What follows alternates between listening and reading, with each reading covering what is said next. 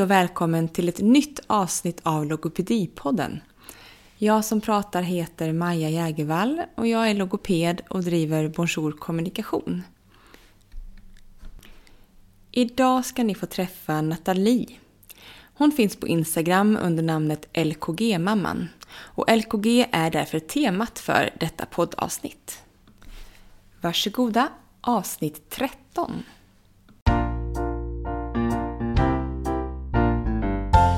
Hej och välkommen till Logopedipodden Nathalie Svensson. Tack så jättemycket eh, för att jag får vara med.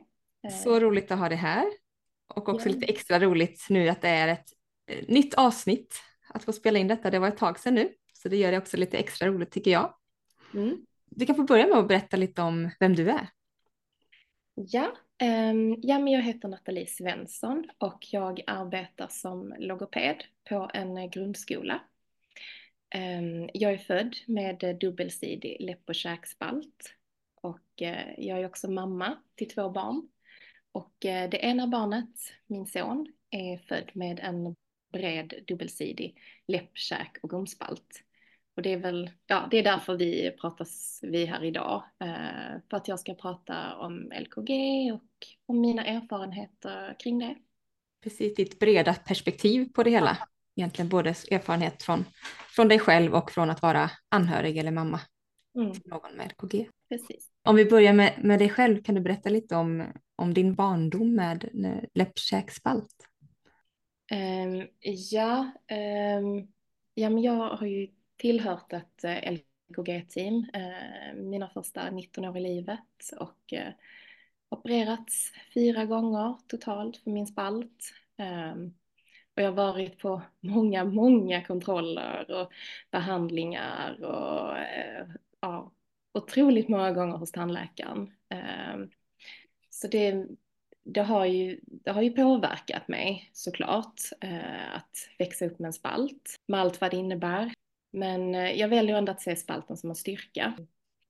Ja, och sen förstår jag ju att det är ju eh, det är ju lite speciellt att växa upp med eh, att ha inplanerade operationer under barndomen. Eh, ehm, det är speciellt att äta mjuk kost en tid efter operationer och inte kunna vara med på idrotten en tid eh, efter operationerna. Man ser annorlunda ut, kan inte vissla, min näsa kan ibland rinna fastän jag inte är förkyld. Så det är klart att det påverkar en, men det behöver ju inte vara negativt bara för att det är jobbigt ibland. Mm. Hade du några specifika, sådär, om man då ska ändå säga det, svårigheter, något extra du fick jobba med under barndomen så som eh, tog mycket tid och kraft och så hos dig? Jag hade ju ingen påverkan på talet, eh, så det var eftersom jag inte hade gumspalt då. Men det var ju mycket med käken och tänderna var det ju framför allt. Ehm, jag hade min första tandställning när jag var fem år gammal eh, och det var en, eh, en lös uttagbar eh, mm. tandställning som jag skulle ha även när jag gick på förskolan och så. Så det var ju mycket, mycket kopplat till tänderna framför allt. Men även näsan har det ju, jag har ju gjort en del sekundära korrigerande näsplastik för att förbättra formen och så och också lite funktioner för att det är, jag har lite nedsatt eh, sensorik i läppen och näsan. Mm. Och det är väl därför det också rinner lite ibland. Mm. Det är väl egentligen det som har varit de stora, den medicinska påverkan. Mm. Har du alltid varit så positivt inställd till det eller har det kommit senare att du kunnat se det som din styrka? Nej men jag har nog alltid sett, eh, valt att se det som, eh, som något positivt. Och jag minns eh, när jag var, ja men jag var nog kanske eh, sex år gammal som det var andra barn som började fråga, ja men varför, varför ser din näsa ut så där och varför är din mun så konstig? Och då det var väl någonstans där jag kände att okej, okay, jag måste beroende på hur jag svarar så kommer de agera därefter. Så jag minns att jag svarade ganska okonstlat att eh, ja, men jag, jag föddes med en trasig läpp och sen eh, sydde doktorn min läpp och eh, nu är det ingenting konstigt. Allt är bra. Precis, det... vissa ser ut så här och vissa ser ut så här och det, det är så mm. det är och det är ju det som barn tänker jag också är ganska bra på att ja, det är så det är. För det, mm. man har inte så mycket fördomar eller andra som förutfattade meningar när man är så pass liten. Så. Ja men verkligen. Eh, och jag tänker väl ändå så här nu när jag är vuxen och förälder till ett barn, det, det blir ju det blir ju ett ansvar eh, och jag känner att jag, jag behöver ju vara en förebild för honom och visa, visa vägen fram. Och jag tänker väl ändå så här att jag, jag och min spalt, vi har liksom eh, följts åt hela livet och vi kommer fortsätta att göra det resten av mitt liv. Och då kan vi lika gärna ha en, eh, en bra relation till varandra. Ja, och spalten har ju, jag känner ändå att den har format mig till en starkare och modigare person. Men den är inte hela min person för att jag är fortfarande jag. Mm. Men spalten kommer på köpet. Mm. Mm. Det är ganska okonstlat mm. för mig. Nu har du kanske redan sagt lite det, men just det här, vad är det du skulle vilja skicka med föräldrar som får ett barn med en spalt? Men är det någonting specifikt som du tänkt som, mm. men det här eh, tycker jag att en förälder kan tänka på eller som ger stöd i? Um, ja, uh, det är jättebra att du frågar det. Um, och det, det som jag känner är det viktigaste är att förmedla hopp. Uh, det blir bra till slut. Även om man står där efter beskedet på rutinultraljudet och man är helt förkrossad och eh, tänker hur kommer detta gå? Hur kommer det bli för mitt barn? Eh, det blir bra. Eh, det kan bli annorlunda, men det behöver inte bli dåligt på det. Eh, det går att ha vänner, kärleksrelationer, man kan utbilda sig, arbeta, bli förälder trots LKG. Mm. Och framförallt det viktigaste, LKG är inget konstigt och det är inget att skämmas över. Alla människor har haft LKG i fosterstadiet, så det är egentligen ingenting konstigt alls. Precis, vad är det som gör att man får LKG? Ja, LKG det är ingenting som, som blir fel eller som uppstår utan det är, man kan säga att det är någonting som inte görs färdigt under fosterstadiet. Mm. För att alla människor har haft LKG, eh, en total dubbelsidig LKG i fosterstadiet. Det är så alla ser ut i ett tidigt skede. Eh, och det är under de första månaderna av en graviditet, eh, redan runt den andra, tredje månaden, som spalten successivt slits och växer ihop. Och detta, ja, detta händer för de allra flesta, men inte hos alla. För ungefär 150 till 200 barn i Sverige årligen så växer inte spalten ihop och då föds man med spalt. Och man kan då antingen födas med läpp, bara läpp eller bara käk och bara gom eller liksom kombinationen av dessa? Ja men precis, precis. Så det kan ju vara bara läppspalt, det kan vara läpp och käkspalt, isolerad gomspalt eller så kan det vara kombination av båda. Eh, man kan också ha spalt bara på ena sidan och då kallas det för enkelsidig spalt. Och det kan också vara på båda sidor och då är det en eh, dubbelsidig spalt. Mm. Och din son då, han fick, eller har, LKG, dubbelsidig spalt? Ja, nej men vi eh, vi var ju inställda på att han skulle få en eh, enkelsidig, en vänstersidig läpp och käkspalt. För det var det de olika kontrollerna hade visat. Man kan inte se gomspalt förrän barnet är fött för att det är, ja, det är väldigt svårt att kunna se det på mm. ultraljud. Även de mest avancerade är det ganska svårt att kunna ha, få ett tillförlitligt resultat på det. Så vi var inställda på en vänstersidig spalt. Men eh, när han kom ut så överraskade hon oss, mm. han oss en eh, dubbelsidig total LKG. Mm. Mm. Och hur gammal är han nu? Han är eh, nyss fyllda tio månader. Eh, ja, så det har, det har gått fort eh, mm. hela tiden. Men det har också hänt väldigt mycket. Det mm. har det. Och då är det när man föds så kopplas man direkt till ett LKG-team liksom i den regionen man bor i. Ja men precis, för vi var ju på rutinultraljudet eh, hos en, ska man säga, hos en vanlig barnmorska som utför eh, ultraljud. Och där eh, tittade hon ganska länge eh, på området kring hans eh, ansikte och hon sa ingenting. Så sa hon att hon, till slut så sa hon då att ja, men jag får inte in tillräckligt bra bilder på hans ansikte så jag går vidare till kroppen. Så kollade hon på hela kroppen och berättade allt hon såg där. Sen gick hon tillbaka till ansiktet och så tystnade hon. Och eh, både jag och min man, vi såg ett eh, ganska stort eh, triangelformat hål precis under bebisens näsa. Och vi, ja, vi undrade varför hon inte sa någonting om det. Mm. Så efter en stund så frågade jag henne rakt ut, är det en spalt du ser? Och då sa hon ja, det mm. verkar så. Mm. och sen efter det så blev det ju då kontakt med eller vi fick komma till en specialistläkare som skulle göra ett ultraljud för att då bekräfta, eh, bekräfta diagnosen. Det var, det var en LKG. Och eh, efter det så var det ju dels att han skickade en remiss eh, till LKG-teamet, men också att det blev eh, flera andra kontroller eh, och ultraljud. Det var Ja, vi var inte så jätteförvånade över beskedet att det, det var spalt för att det finns en viss eh, ärftlig komponent när det kommer till LKG. Exakt hur stor ärftlig komponent eh, vet jag inte riktigt. Ehm, det kan skilja sig lite i olika studier också. Men det finns en ärftlig komponent. Eh, så vi var inte jätteförvånade. Men vi blev ändå ganska omskakade över allt som hände efter det.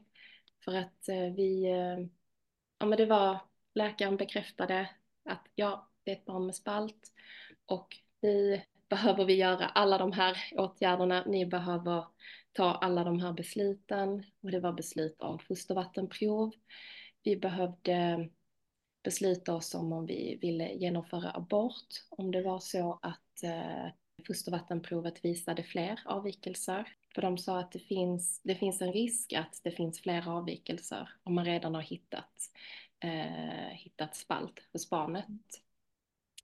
Och vi behövde ta, ta det beslutet direkt på plats för att det var bara dagar kvar innan tiden för sen abort mm. skulle passera. Eh, så det var, det var ganska chockartat där. Mm. Men eh, ja, eh, vi bestämde oss ändå för att vi, vi ville, vi, vi, vi tackade nej till både och. Eh, för att det, finns, risken är inte så stor för missfall, men det finns ändå en viss risk eh, för missfall när man gör eh, fostervattenprov och vi vill inte, vi vill inte ta den risken. Mm. Eh, ja, och han skulle ju vara eh, oerhört älskad av oss oavsett vad, så att vi, mm. vi, sa, vi sa nej till fostervattenprov, vi sa nej till abort, men vi tackade ja till alla andra undersökningar och eh, vi, var, vi var på sjukhuset varje vecka, ett par månaders tid. Mm. Eh, det var flera ultraljud för att kunna eh, se vilken typ av spalt det var mm. och det skulle man göra med några veckors mellanrum. Det var möten hos LKG-teamet, det var extra undersökningar av bebisens hjärta. Det var ganska mycket mm. den tiden. Men det var fantastiskt komma till LKG-teamet och prata med LKG-koordinatorn. Hon eh, är på alla sätt och vis en eldsjäl eh, som brinner för detta och det, det känns eh, och det värmer verkligen hjärtat som mm. förälder. Mm. Ja, för jag läste någonstans, jag tror att du hade skrivit just att det ändå blev lite fokus på att nu ska vi få en spalt och inte ett barn eftersom att det blev så många undersökningar och sådär. Vet du varför det är viktigt att få reda på vad det är för spalt innan? Ja men det är väl dels för att förbereda föräldrarna såklart och jag tänker om det är syskon med i bilden så är det också för att förbereda syskonen på vilken typ av spalt det kan vara för att det är ju en visuell skillnad om det är ett hack i läppen eller om det är två hack. Eh, för att om det är två hack i läppen så blir det ju det blir ju som en liten rund bulle i mitten eh, som sticker ut. Och det det, det, kan se lite läskigt ut eh, för en del barn. Mm. Eh, så man behöver förbereda sig på det. Och jag tänker sjukvården är det ju framförallt för att kunna planera eh, kommande behandling. Mm. Men sen är det ju man kan ju aldrig veta helt säkert Nej. eh, för barnet är fött och eh, ja, med vår son är det ju ett levande bevis. Ja, precis. Ja. Ja. Men var det han på sin resa nu? Var det ni på er resa med spalten nu? Ja, um, han har ju genomfört sin första operation, en um, primär läpp och näsplastik. Och den gjorde han när han var fyra månader gammal. Så, och nu väntar vi på kallelse för eh, nästa operation som eh, ska göras någon gång när han är runt 12 månader gammal. Och det blir en eh, där de ska slita gumspalten. Eh, här eh, i Malmös eh, LKG-team så opererar de hela gummen i, i ett steg. Så en operation både för hårda gummen och mjuka gummen. Mm. Andra team gör lite olika. Vissa, ja, nu vet jag inte exakt vilken, hur det ser ut i tid, men jag tror att de börjar lite olika ordning och i olika tid. Och jag tänkte på, för du har skrivit lite om hans ätutveckling Mm. eh, och just det, ja, men vikten av att eh, poängtera att det kan fungera bra att äta och amma och att ibland fungerar det inte, som för vilket barn som helst eller sådär. Och ni har lite erfarenhet av att både att det kan fungera bra eller dåligt på grund av något annat än just eh, spalten eller så. Vill du berätta lite om, om det, just med att belysa ätutveckling eller amning och så hos barn med spalt? Ja, nej men precis. Ehm, det är så att barn eh, med LKG har goda möjligheter att äta bra om, och ha lustfyllda måltider om, om de får rätt förutsättningar. Men det finns också en del barn med LKG som har svårt att äta på grund av sin LKG men också på grund av annat. I vårt fall var det främst annat men också en kombination av den här strukturella avvikelsen i munnen eh, Mm. med spalten. Han har en väldigt bred eh, gomspalt eh, och det, det ger ju också stora utmaningar. Mm.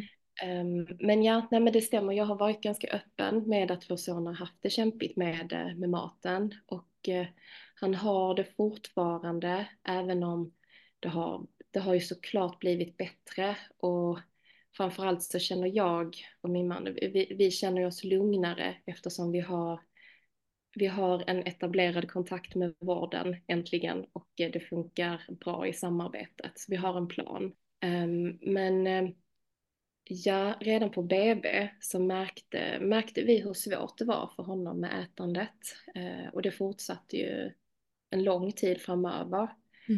Eh, Han satt i halsen och hostade varje måltid. Eh, Han fick andnöd varje måltid även mellan måltider. Eh, han kräktes jättemycket och eh, fick andnöd på grund av sina kräkningar. Eh, han orkade sällan äta tillräckligt. Och det var ju också en konstant stress för oss för att vi, vi visste om att det fanns en plan för honom att opereras kring tre fyra månaders ålder. Och för att kunna klara operationen, klara narkosen, så måste man väga över fem kilo.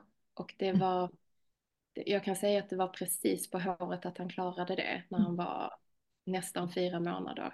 Det var med några dagars marginal, så det var, det var en konstant stress även där med ätandet. Och det som var frustrerande för oss som föräldrar, det var att många såg främst till det yttre, för han var glad. Han är en av de gladaste ungarna jag har träffat i hela mitt liv. Han, nej, men han, är, han är så glad. Det var det andra såg. De såg att han utvecklades som han skulle. De såg att han höll sig precis på sin kurva, även om det var minuskurvan. Mm. Men vi kände inte riktigt att man lyssnade på oss när vi berättade om hur kämpigt det var med mat, eh, matningen. Eh, och vi försökte förklara att anledningen till att han precis klarade sig inom kurvan var för att vi kämpade nästan dygnet runt med att få i honom mat. Mm. Det var det enda vi tänkte på och vi kämpade på precis alla möjliga sätt och tips och tekniker och flöden och flaskor. Allt som LKG-teamet tipsade om och allt som jag hade i, i mina resurser. Ändå hade han det jätte, jättesvårt. Så jag, eh, ja. Nej, det är inte hållbart överhuvudtaget ju för en förälder att behöva hålla på så eh, i sin vardag. Nej men verkligen inte. Um, och det blev väl ändå till slut så att jag, jag, eh, jag behövde skylta med mitt yrke. Uh, till slut behövde jag sätta ner foten och säga att jag är logoped. Jag vet att det är någonting som inte stämmer. Ni måste ta oss på allvar. Och ja, till slut så fick vi ju då rätt hjälp eh, efter en lång tuff resa och eh, vi fick komma till en logoped som är specialiserad inom småbarnsätande. Och hon, hon kunde snabbt på ett besök bekräfta att han har ätsvårigheter. Och eh, hon såg till så att vi fick eh, rätt hjälp. Vi fick komma i kontakt med en läkare som lyssnade på oss och vi fick eh, komma i kontakt med en dietist.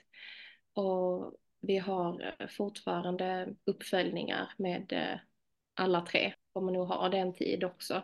Mm. För att han har svårt. Mm.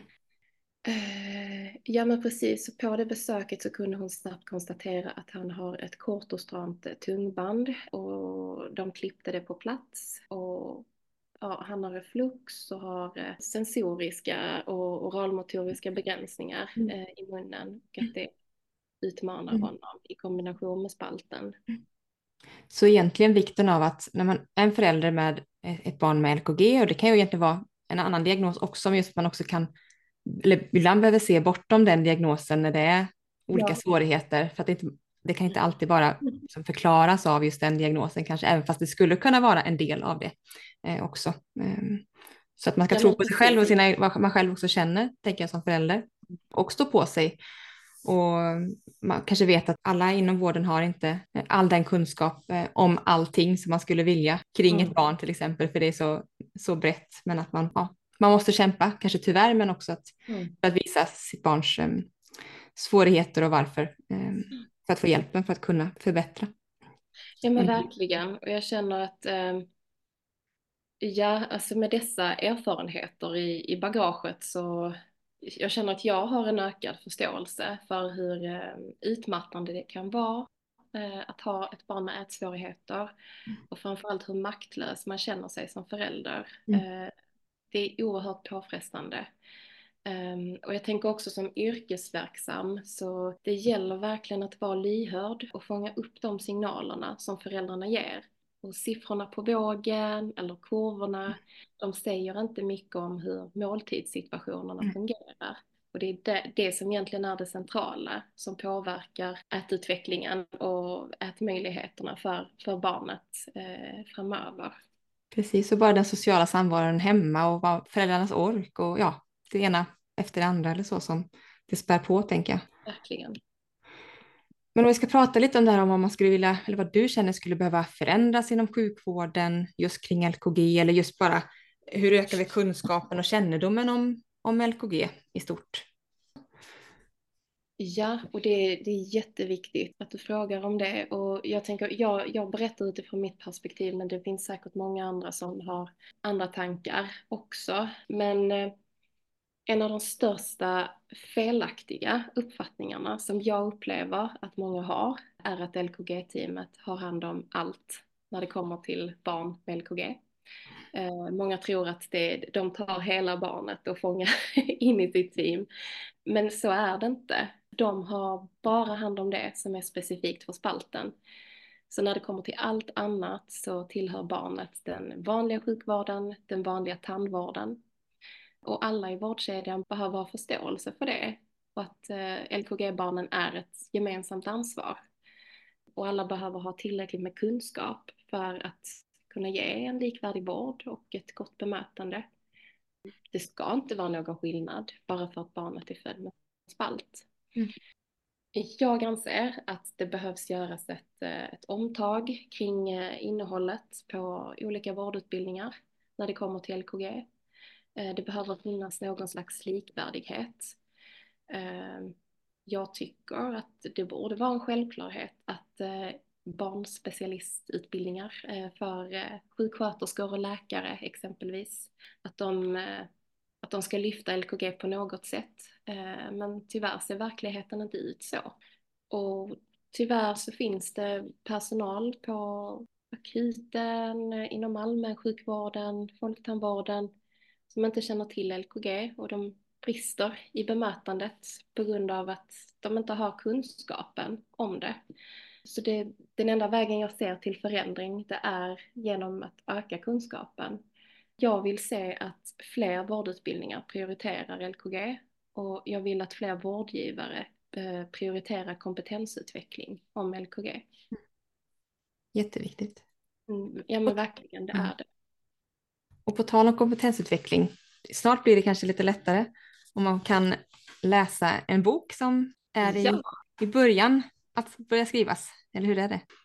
Ja, nej, men eh, manuset är ju klart, eh, men eh, vi jobbar, just nu sitter jag och redaktören eh, med finjusteringar eh, mm. med texten. Och ja, nej, men jag, jag, kommer, jag kommer ge ut en barnbok om LKG eh, via ett bokförlag och den kommer att ges ut någon gång under nästa år, vet inte exakt ännu, men, men jag kommer återkomma med mer exakt datum vi promotar den ordentligt. Ja, mm. såklart. Mm. Men det jag kan säga är att den kommer ha huvudfokus på en syskonrelation. Framförallt är det för att förbereda LKG-syskonen på att få ett syskon med LKG. Eh, så man kommer få följa ett, ett litet barn i förberedelserna inför det kommande syskonet och mm tankarna och känslorna och också en tid efter födseln med operationer och mm. de visuella förändringarna som en operation innebär. Mm. Ja, det är jättespännande och jätteroligt. Och um, det, det, är en viktig bok uh, och det säger jag inte bara för att det är jag som mm. har eh, skrivit den utan den är, den är verkligen efterlängtad av, uh, av många LKG-familjer. Uh, vad jag känner till så finns det bara en enda barnbok om LKG på svenska. Och det är en bok som en privatperson gav ut på 90-talet. Det är länge sedan nu. Ja, den här gruppen, den, den behöver verkligen representeras. Mm. Eh, barn med LKG behöver få känna igen sig och LKG-syskon behöver få möjlighet att få bearbeta eh, vad som kommer att hända och vad som har hänt mm. med mm litteratur och eh, illustrationer som är anpassade för barn. Mm. Eh. Ja, och även om den är för syskon så tänker jag det är någonting som alla kan ta till sig och läsa för att få just ja, ett perspektiv på LKG. Ja men verkligen och jag tänker också att den eh, kan absolut kunna användas som en del av eh, värdegrundsarbetet på förskolor och skolor eh, för att öka öka synligheten och öka kännedom om avvikande ansikten. För att det är vanligare än vad man tror och man måste våga prata om det. Mm. Jätteviktigt. Och nu ska vi snart börja avsluta tror jag. Jag tror vi har pratat ganska länge nu. Ehm, mm. Jag tänkte fråga lite så här, några sista skicka med sig ord eller så, både kanske till LKG-föräldrar men även till sjukvården Ja, vi har ju pratat om vad som jag vill förmedla till föräldrar. Eh, men jag tänker också att man, jag, vill, jag vill förmedla någonting till alla andra i samhället. Och det är att det behövs förståelse för att det stundvis är påfrestande för hela familjen eh, när ett barn föds med LKG. Och eh, det behöver inte vara kopplat till operationerna. Eh, det kan vara kopplat till annat. Så jag önskar att man kan man kan släppa det medicinska perspektivet och istället är nyfiken på vad just personen har att förmedla och om det är föräldern eller syskonet eller personen själv med LKG. Och att lyssna in varje persons upplevelse är individuell. Eh, och ja, våga vara nyfiken och fråga. Och framförallt att inte bemöta någon människa annorlunda bara för att personen har LKG. För att det är ingenting konstigt och det är ingenting att skämmas över. Tusen tack Nathalie Svensson för de fina slutorden. Tack så mycket.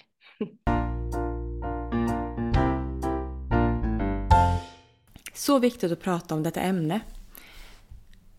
Glöm nu inte att följa Nathalie på Instagram. Där heter hon LKG-mamman.